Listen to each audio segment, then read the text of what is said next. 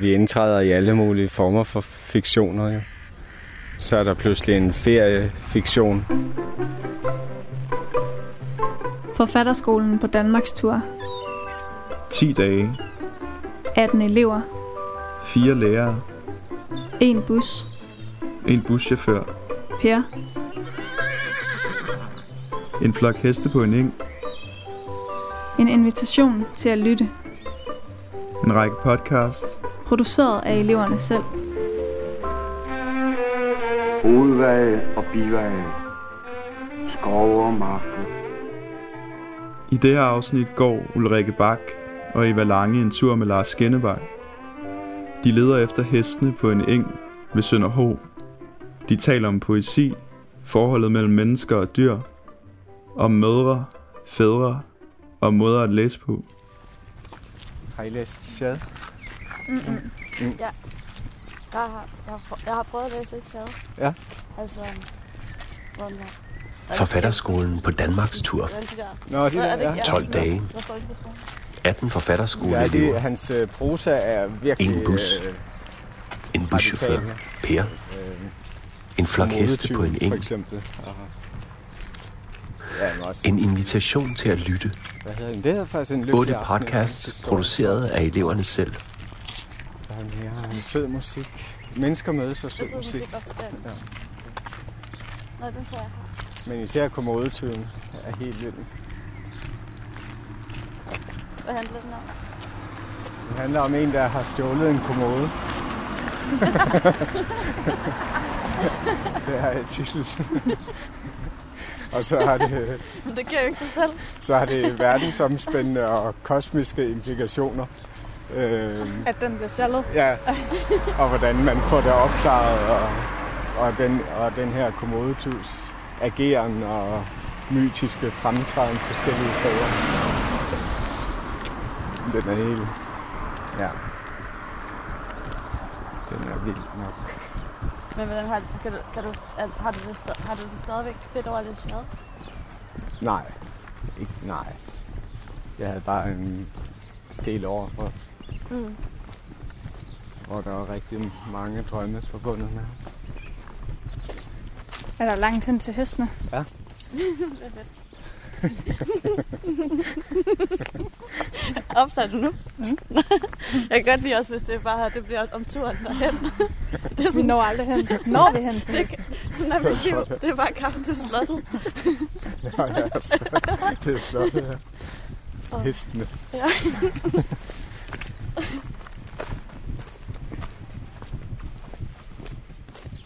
Hest som en hest som barn, der hed Mass, som øh, min mormor vandt på et marked.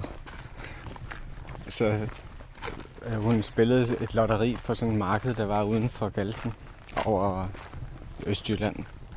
Og så vandt hun altså den her hest, og vidste ikke helt, hvordan hun skulle få den hjem. Men så trak øh, min mormor og mor fra den samme hjem til, øh, til deres... De havde en tankstation uden for Galten. og så, øh, så stod den der, mens min morfar han så byggede et hegn på en mark, der lå bag ved, til me- ved mekanikerværkstedet og tanken. Og så gik den der. I øh, havde et lille hus, som jeg kunne besøge og snakke med den derude i huset. Men den kunne ikke lide, at man red på den rigtigt. Så den var lidt besværlig at have. Fordi den øh, var bisk på en måde. Og lidt vild. Men jeg synes godt, man kunne have nogen, man kunne sidde ude i huset. I dens legehus. Det var faktisk et legehus. Altså hed den da de vandt den, eller var det Nej, det, de- det var noget, de, kal- de kaldte den, da Okay. de fik den. Men så sad du ude hos den i legehuset. Ja, og snakkede med den. Og så nogle gange gik jeg lidt rundt med den. Jeg har et billede af det her. Jeg føler også, at jeg har et billede af Mads inde i mit hoved, jeg Ja. engang har fortalt. Eller jeg jeg føler, havde, det her på Instagram er der et billede, Nå, jeg går med er Mads. Ja. Åh, oh. ej, han er smuk. han er vildt. Kan du ikke beskrive Vildt Mads? Mads? Ja. Men han er en brun hest med sort hår. Eller det der, der stikker ned. Manke. ja. Og så er han rigtig sød. Det, min far red på den nogle gange. Men meget, meget kort tid. så, så røg han. Det er sådan rodeo. Ja, rodeo. Nej, øh, men han- det, det var bare en god hest. Men så lige pludselig så havde jeg fået at vide, at den... Øh, at, øh, at øh, den var blevet kørt til slagteren. Ej, Jo. Fordi, men det var efter ret mange år. Og så kunne den ikke mere. der er nogle heste. Der er nemlig nogle heste der. Der er ikke så langt væk. Nå, nej. Nej, det er jo relativt.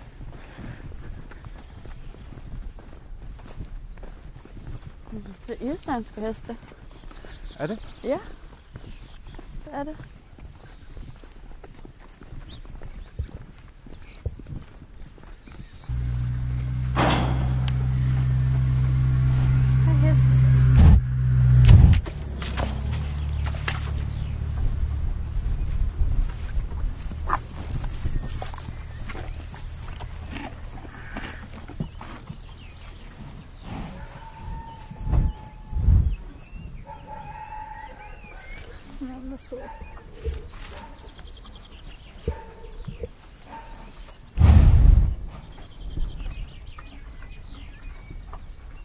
Hvad for nogle heste har du egentlig reddet mest på? Mm, en dressurheste. Mm. Øhm, ja, både sådan ponyer og store heste. Så det er sådan nogle tyske, tysk opdræt. og sådan engelske sportsponier. Og så har jeg også reddet lidt på islandske heste, men det var en sommer, som jeg, hvor jeg arbejdede på Island. Red rundt med turister i sådan tre måneder. Men det er sådan meget anderledes at ride på islandske heste.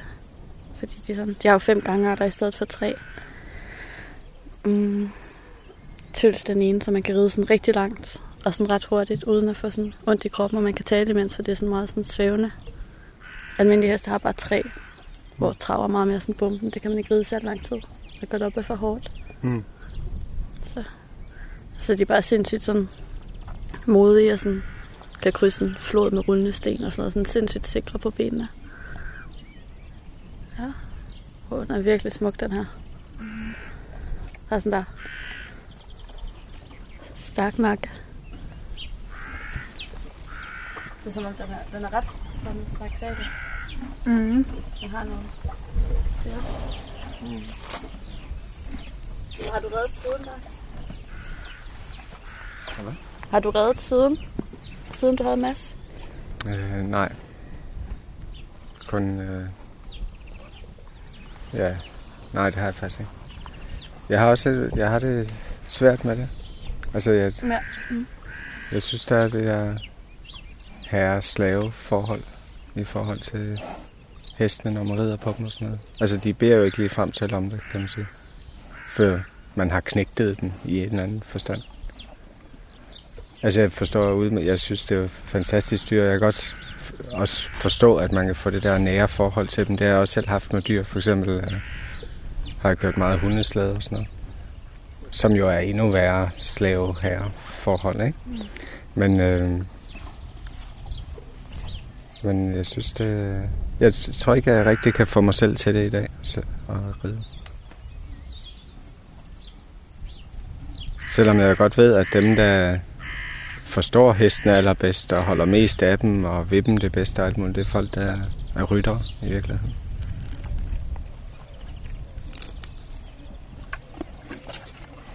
Rider du stadig meget ud af det? Nej, det gør jeg ikke. Kun hvis jeg besøger gamle venner eller noget, der har heste, så, så gør jeg det. Og sådan elsker det. Og sådan. Men jeg kan virkelig godt forstå det, du siger, Lars. Eller sådan, det kan jeg virkelig godt forstå.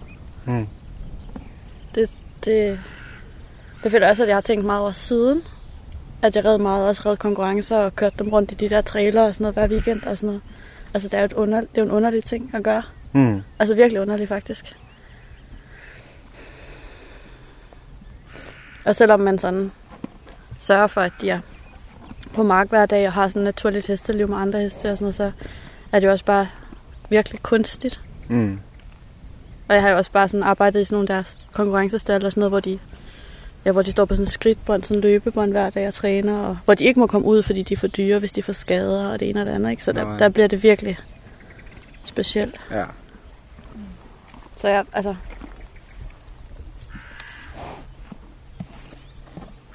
Jeg forstår det virkelig godt. Altså sådan, jeg tror det eneste som... Altså det er bare... Jeg ved ikke.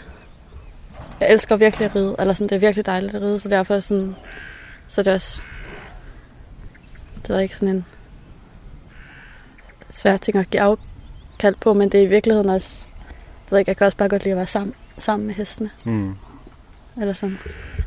Og det har jeg alligevel... Ja, det føler jeg at, og egentlig også ofte, at de gerne vil. Men de har selvfølgelig heller ikke.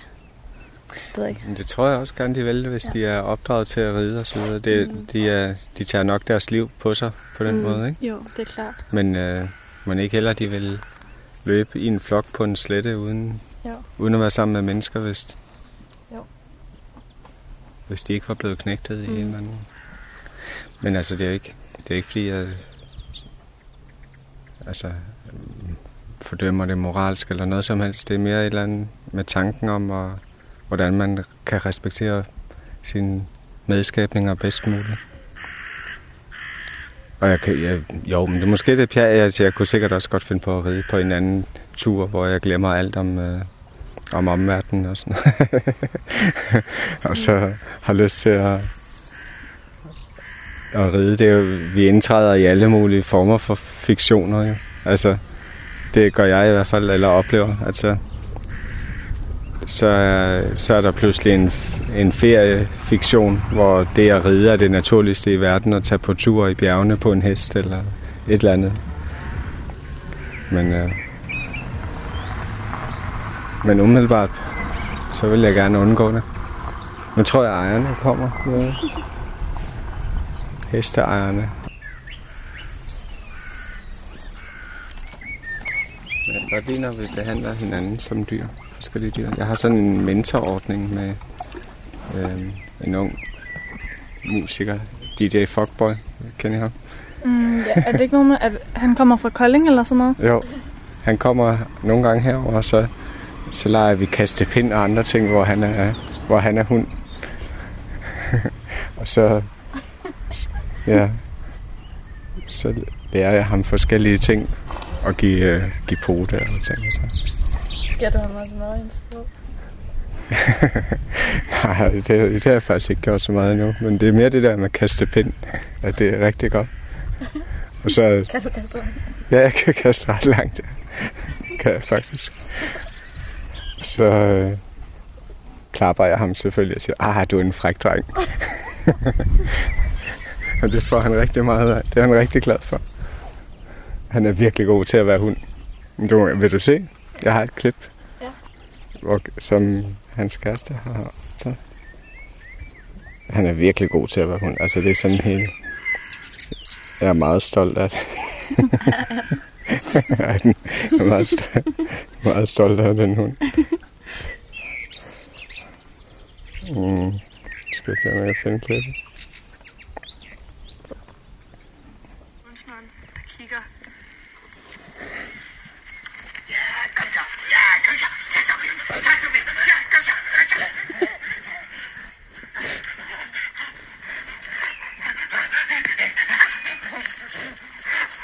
Kom tilbage, kom tilbage. Ja, kom så. Kom tilbage. Ja, aflever. Aflever, aflever. Ja, ja. Ah, det- åh, du er en fræk dreng. Åh, du er en fræk dreng.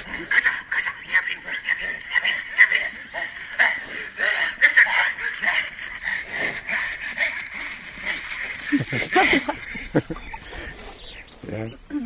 Ja. Hvad, hvad er... øhm, Hvad hedder det? Hvad er, hvor- hvad er for, for, er der ikke formålet, men er der sådan en... Jeg tror, det er rigtig godt for, øh, for hans kompositionsmusik at være lidt mere kropslig og, og, og være indleve sig i andre dyrearter. Og sådan. Det er det, der er tanken, tror jeg. Det er i hvert fald en god øvelse. Det er en rigtig god kunstnerisk øvelse at være hund.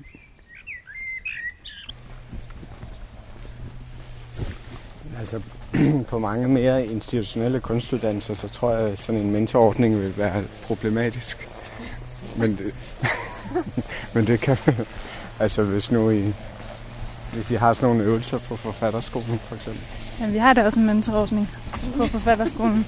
Jo, jo, jo, jo, men nu mener jeg Den slags den, mentorordning. den slags mentor.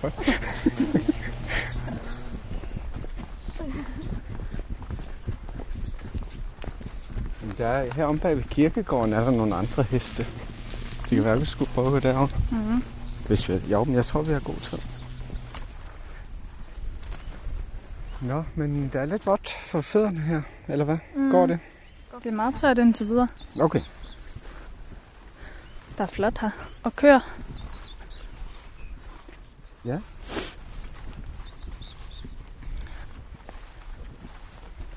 Det er ikke sikkert, at vi kan nå derud.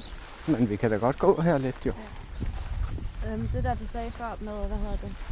Clarice Lispector. Ja. Og øhm, med skrivemaskinen. Ja. Altså, var, mente du der, at...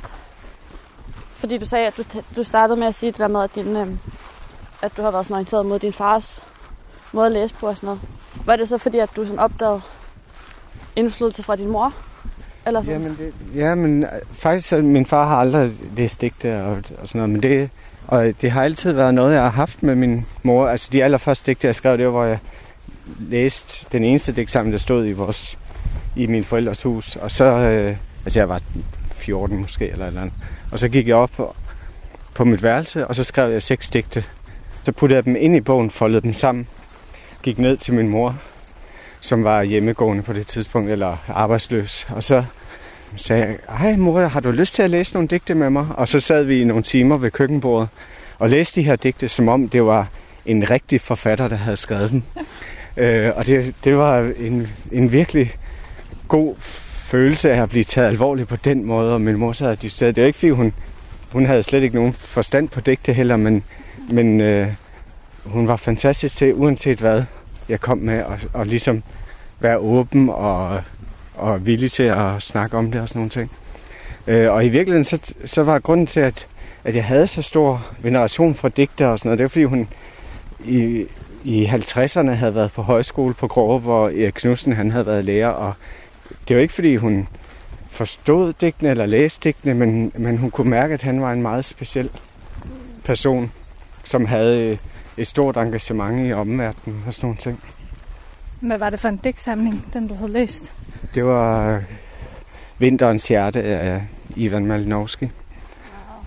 Øh, og det er, det er meget, meget specielt, fordi når man så har skrevet i, i længere tid, altså i mange år, så, så, så tegner der sådan nogle mønstre efterhånden. Altså det er jo alligevel mærkeligt, at, at, jeg, at jeg har haft så stor interesse for den politiske digtning og en helt særlig tilgang med, med holistisk tilgang, ligesom Malinowski havde i 80'erne, og hvor Vinterens hjerte har skrevet, eller, eller den her øh, meget, øh, hvad skal man sige, ja, øh, metafororienteret øh, øh, politiske tilgang til dækningen, som Erik Knudsen havde i et eller andet omfang.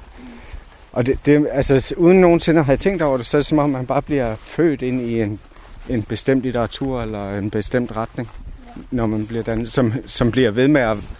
Ligesom, ligesom ens biologisk baggrund også har nogle betydninger, så er der også sådan de der første møder, og hvad der egentlig får en i gang, og altså, at de også har en blivende betydning.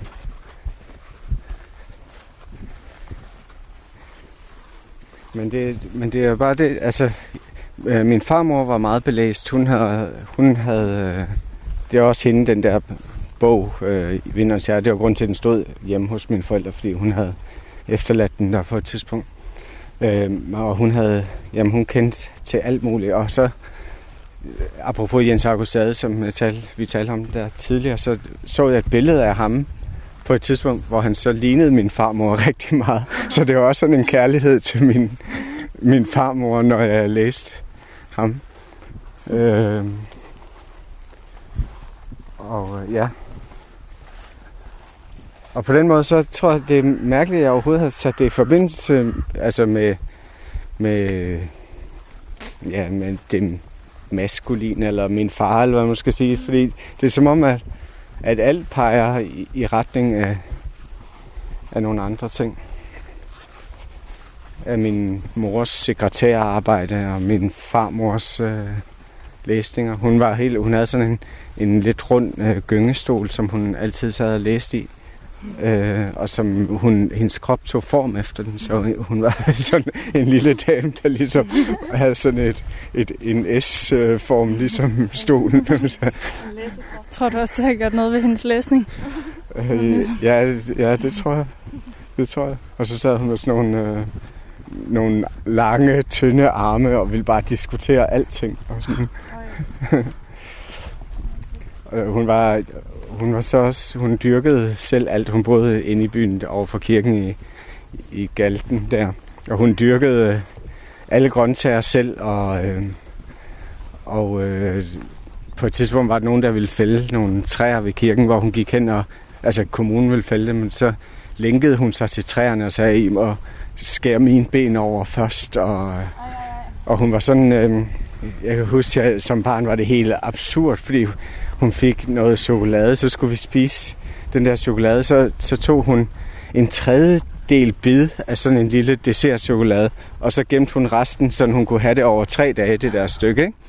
Og, og selvom hun havde gæster og sådan noget, så kørte hun øh, kaffen igennem det samme kaffefilter, sådan øh, også en to-tre gange. Så det smagte virkelig dårlig kaffe, når man besøgte hende. Ikke? Men, øh, men den der, den nøjsomhed øh, findes nærmest ikke.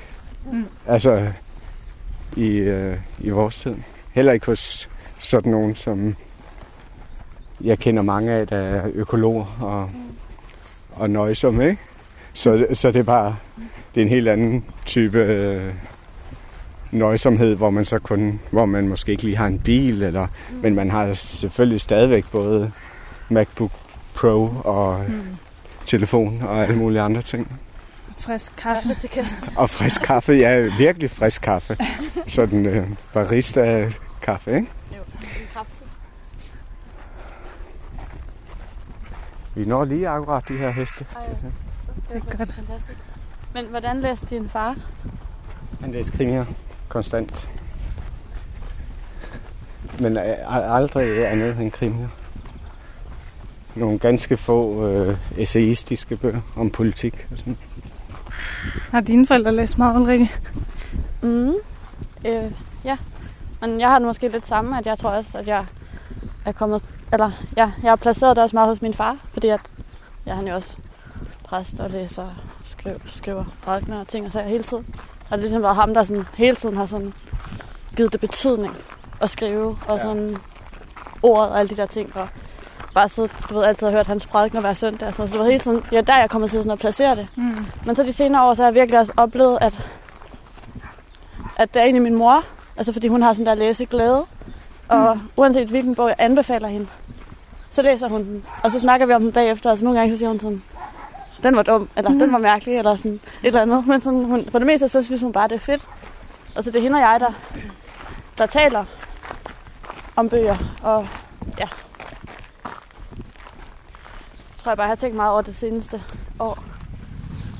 At hende har jeg, ja, hende har jeg, det meget, hende har jeg mere lyst til at tale om Mm. ting med.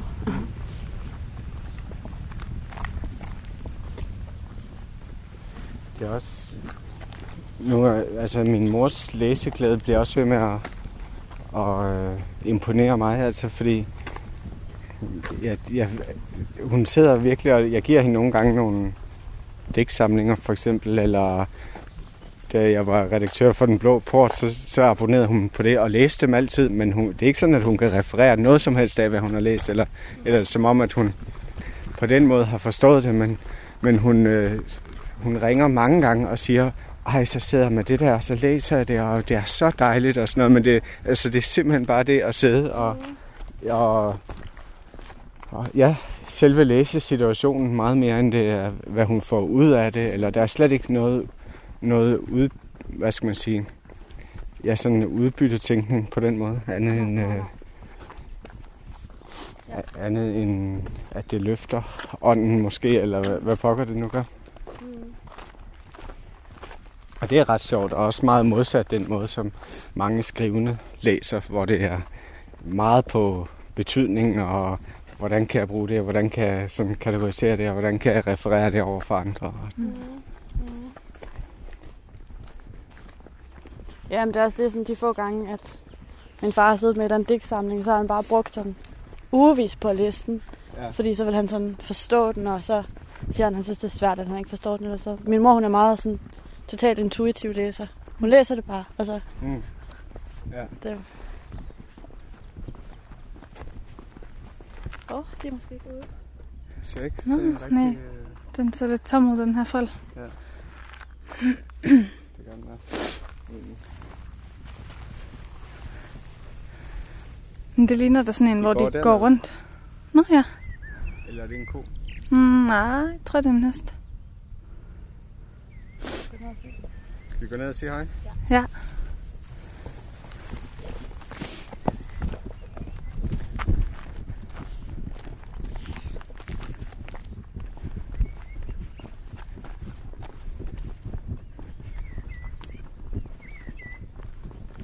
Men de, men de der maskinskriversker, der så har været i 50'erne på næsten alle kontorer, har det været kvinder, der har siddet og skrevet på maskinen, ikke? Mm. Som sekretær og taget diktater, hvad ved jeg. Øh, det er bare, det, det er jo en helt enestående kultur, der har siddet nogen professionelt og skrevet på maskinen dagen Mm. lang. Altså i dag skriver vi alle sammen rigtig meget på computer, men der er alligevel ikke nogen, der gør det dedikeret på den måde, vel? Selv alle selv chefer i alle mulige steder svarer også selv på, på ting, eller Mhm. skriver selv på, på de der. Men dengang var det ligesom specialiseret at kunne skrive fejlfrit, hurtigt. Øh, okay, der er mange her, var. Ja, der er så. Ej, et lille føl. Eller hvad? er det ikke et føl? Jeg tror, det er sådan en chefvenner. Er det rigtigt? Lille en, ikke? Hey. Hedder de ikke Nordbakker, dem der er base nogen? Jo, det gør det lige præcis. Og så er der også nogle lidt islandske heste nede. Den der er i hvert fald, den ræverøde. Og den er også, tænker jeg, en islænder. Ej, hvor er den sød, den der. Den er vildt sød. Var, var, var Mads, øh, den, nej, den var lidt større, ikke? Mads var Ja. kæmpestor. Jeg tror, Mads var i den størrelse dernede bagved. Eller den der. Det ligner Mads lidt. Det var den, jeg forestillede mig. Ja, ja.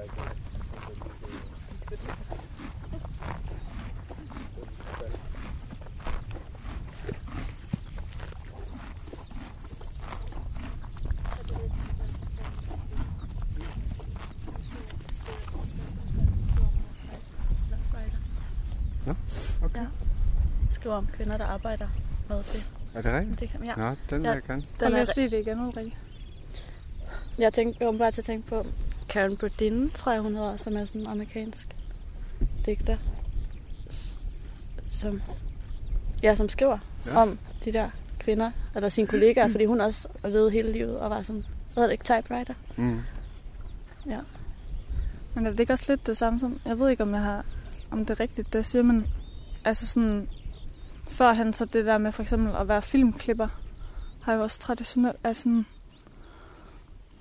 Hvor meget noget kvinder har gjort, tror mm. jeg. Førhen og også... Altså sådan noget radioteknik. Nå, det har det. Mm.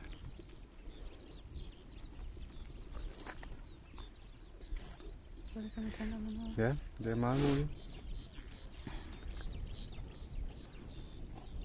Men jeg tænker også på det i forbindelse med de her skriptorier, der var i middelalderen og den slags, ikke? Hvor, det, hvor der har man jo så siddet i og, og kopieret Bibelen for eksempel i hånden og med håndskrift, men der har det så været en åndelig øvelse for munke, men også for nonner.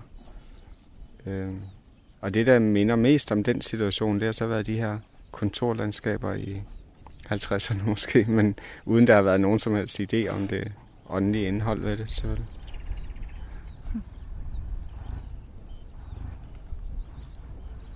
Okay, nu kan jeg huske, eller nu har jeg fundet ud af, nu kan jeg huske, hvad den hedder. Altså, den hedder Woman Sitting at the Machine Thinking. og den er Ja. udgivet posthumt, altså i 1990, men hun døde nemlig af brystkræft, og det handler den, jamen, den handler om de der kvinder, der sidder og er sådan typesetters. Den, den er, jeg kan godt huske den, den er en virkelig flot bog. Ja, kan du den ikke sende der. et link til det Jo, der? selvfølgelig. Jeg kan også lige finde et rigtigt billede af den. To sekunder. Okay. Jeg kan se den rigtigt. Hvorfor vil den ikke tage billeder? Nej, den er også virkelig sløret, den her. Det er fint. Er det okay? Mm. Sådan. Genialt. Nå, skal vi gå tilbage? Mm. Ej, sikkert er det tør.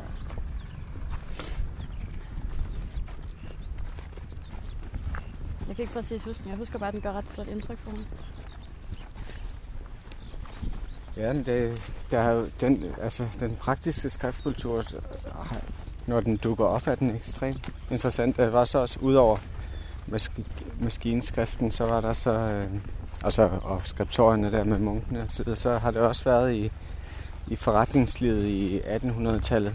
Der er det sådan, at i øh, USA, I ved, der er det, der hedder, den skrift, der hedder English Roundhand, eller Copperplate, som er sådan en forløber til skråskrift, og der, den brugte man så som, øh, som forretningsskrift til skilte og til fine breve og til kontrakter og alt muligt, i, især i USA i 1800-tallet, 1700-1800-tallet. Øh, og der var det sådan ligesom, hvis man tog en uddannelse i at kunne skrive de skrifter og være en øh, penmand, så der var utallige kurser, utallige masterpenmans, der udbød kurser, og så kunne man tage sådan en kursus. Og når man kunne det, så var man sikret job på de fineste kontorer og sådan noget, alt efter hvor god man var til at udforme de her skrifter. Ikke? Øh, det, det synes jeg også er, altså også fra et litterært synspunkt er det ekstremt spændende, at, at nogen har haft så tætte øh, forhold til udformningen af, af skrifterne og sådan, ikke? Og at det ligesom har kunne være en levevej i sig selv. Mm. Øh, og det er jo en, altså det er jo en tradition, der har været fra de allerældste tider. Selvfølgelig en specialisering i at være skriver. Øh, og som på den ene side har været merkantil, og på den anden side har været religiøst. Altså, og det er sikkert nogle forskellige. Men de er, det, den allerførste skrift, man kender til, er jo det, er den her skrift på læretavler i, øh, i det, det babylonske område, ikke? eller sumerne, eller hvad der er. Mm. Og øh, hvor, hvor det på den anden, ene side er de her lister over kongens besiddelser og så videre. Og Eller sådan noget varer og sådan noget, ikke? jo, jo. Øh, lidt før det, tror jeg. Men jo, med en slags vare, altså sådan, mm. i hvert fald optegnelse over, hvor meget besiddelser mm. på den ene side øh, list, i listeform, og på den anden side øh, spådomme i, øh, i sådan nogle, ja, øh, ja, faktisk spådomme, ja. Og, og som så øh, også er på sådan læremodeller af får og gedelever, hvor man så de forandringer, der så er, når man slagter dem og offrer dem til guderne, så, så har man skrevet på de her læremodeller, hvad, hvad der så sker, at hvis, øh, hvis der går en gris ind i naboens hus, øh, dør kongen af klamydia eller et eller andet. Eller, det er ikke det, der står, men lignende, lignende figurer i hvert fald. Og det synes jeg er spændende. Det er også det samme i Kina. For det her det er jo så den allerførste skrift, ikke? I det. Øh, men i Kina, tusind år efter, eller noget, der begynder de her... Der har man også det, det øh, de administrative, den administrative skrift, og så har man på den anden side de her skildpaddeskjold, som man kaster på ilden, og hvor man så beskriver skriver på skildpaddeskjoldene, hvad de forandringer, der sker i krakeleringen af, af skjoldene. Så det er ligesom de to spor, der, der, der hele tiden har med skriftkulturen at gøre. Fra ældste tider i hvert fald.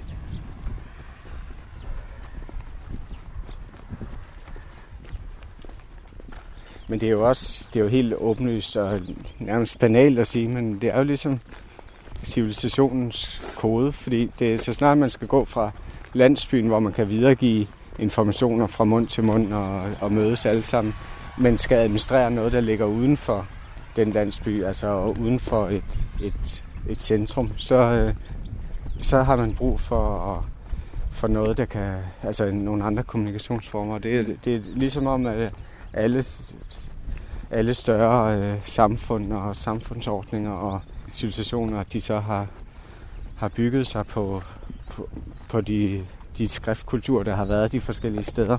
Og når man så går tilbage og kigger, hvad skriftkulturen er opstået af, hvordan de har udformet sig, for eksempel det, at vi har, at vi har de her en, en, en uh, skriftkultur, der, der, eller en, et sprog, der, en skriftlig sprog, der bygger på forlyd, altså hvor man tager symbolerne, og så tager man bare den forreste lyd af symbolerne, og så kan man egentlig nøjes med kun at have 25 genstande, hvor man tager forlyden, og så kan man bruge det til at beskrive hele verden med. Ikke?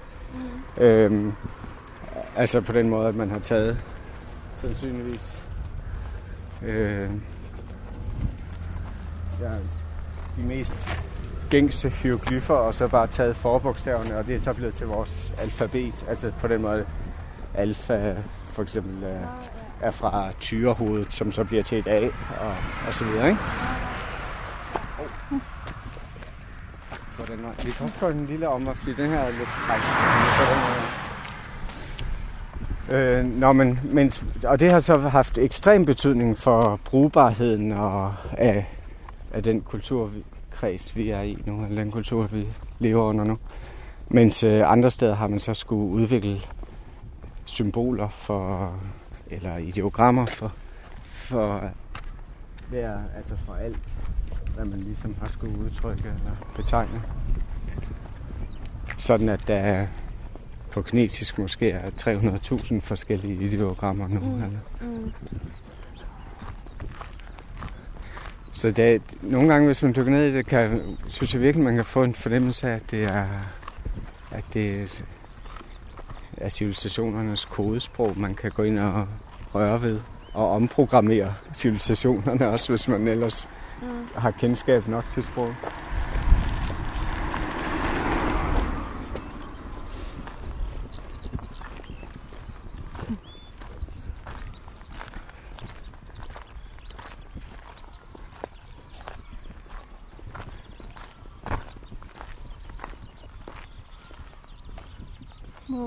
Kan høre?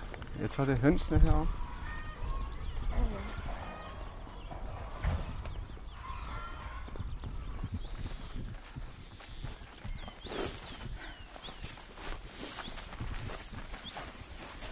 Læser dine forældre, Eva? Mm. Jeg gik lige og tænkte lidt over det, da I talte om jeres forældres forhold til at læse. Altså, for jeg tror, det er sådan på en måde måske lidt samme historie. Altså sådan,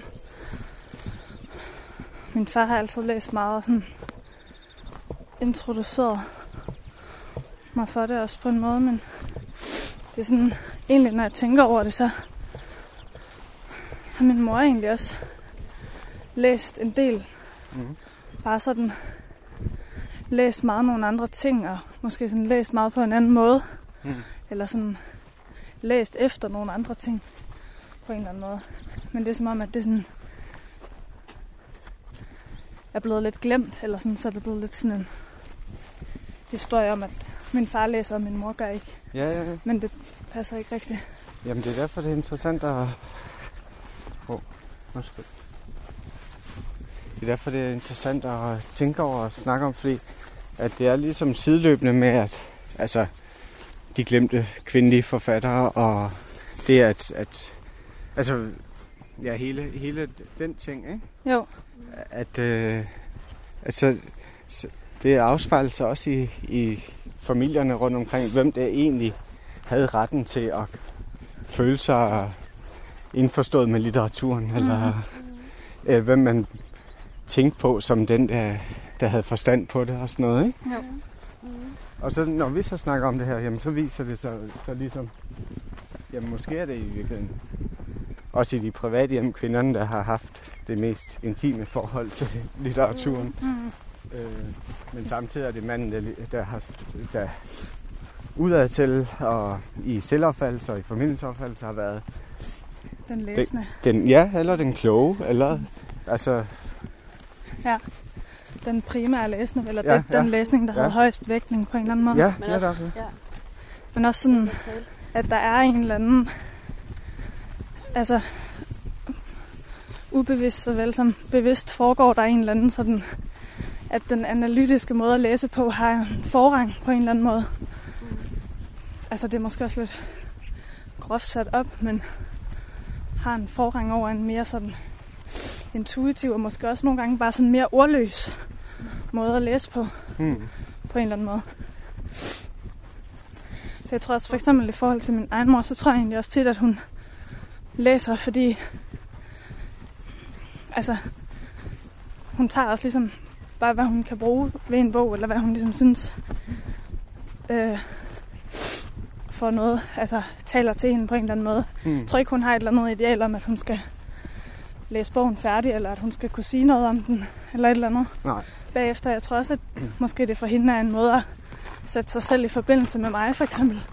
Jeg tror, det betyder noget for hende at læse, fordi at det betyder noget for mig. Ja. Det er i hvert fald også bare noget, jeg har tænkt på. Mm.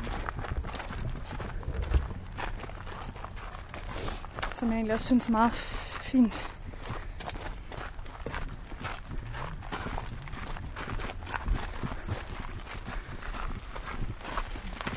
Men min mor er også keramiker og har tit sådan, når hun har dekoreret sine ting, altså skrevet på dem, eller sat forskellige former for,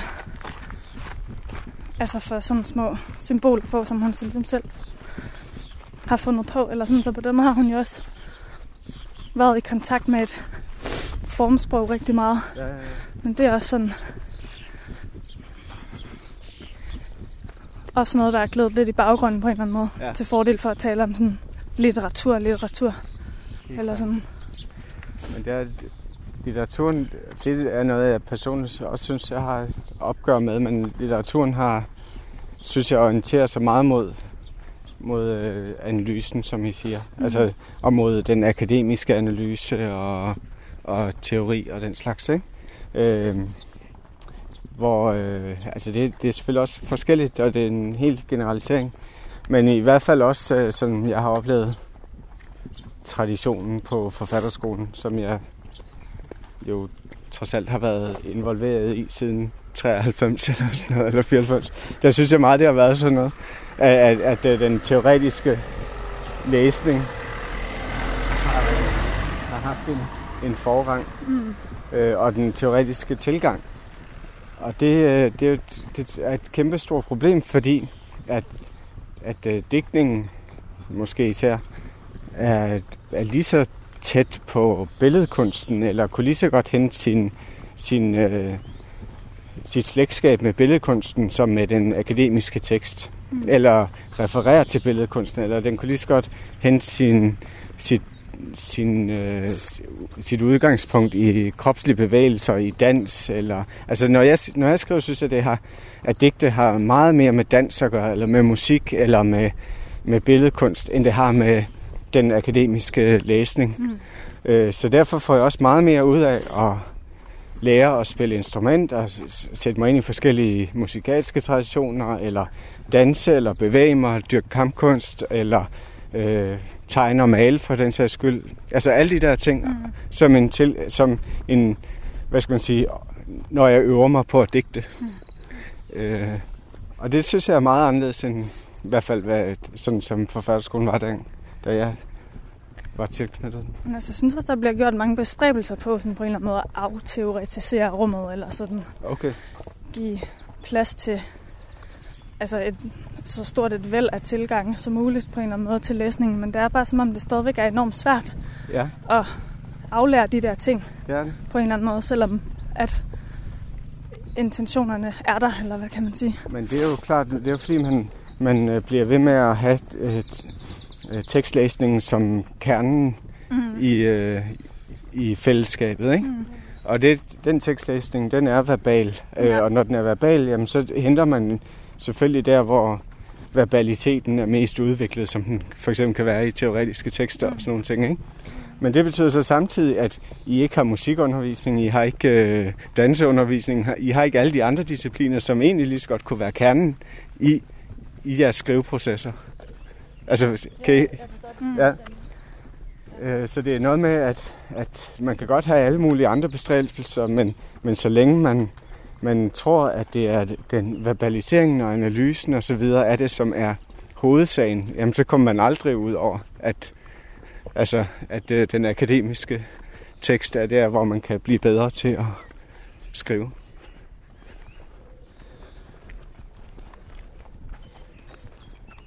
Og det er meget dejligt at høre dig sige de her ting. Men det var også sjovt, fordi no- noget af det, vi nogle gange har talt om i undervisningen, som sådan, hvor det virker som om, at alle har haft en oplevelse af, at det virkelig kunne noget, eller sådan åbnet et eller andet op i hver især, har også været i nogle af de der strukturforløb, som tit har været en meget, meget anderledes form end sådan tekstlæsningsrummet. Mm. Eller sådan, så har vi haft et forløb med en filminstruktør for eksempel, eller der er ligesom blevet hentet nogle andre områder ind på ja. en eller anden måde. Ja. Og det har også givet virkelig meget, virker det til. Helt klart. Men det er jo heller ikke fordi, at, mm. at tekstlæsningen ikke også er et virksomt middel. Nej, nej. Al- Altså det er mere noget med, med hierarkisering Ja, og og sådan hvor noget. meget fylde det ligesom ja, får. Ja. Nu kommer der cyklister. Ja, også fordi den, den bliver jo automatisk en stemme i hovedet, når man så skriver. Mm. Altså tekstlæsningsrummet, ikke? Det er jo ikke, øh, man går ikke ud af rummet, og så er det der. Altså det følger jo med. Mm. Og der, er- der er et arbejde, ligesom at gøre sig fri af den, synes jeg.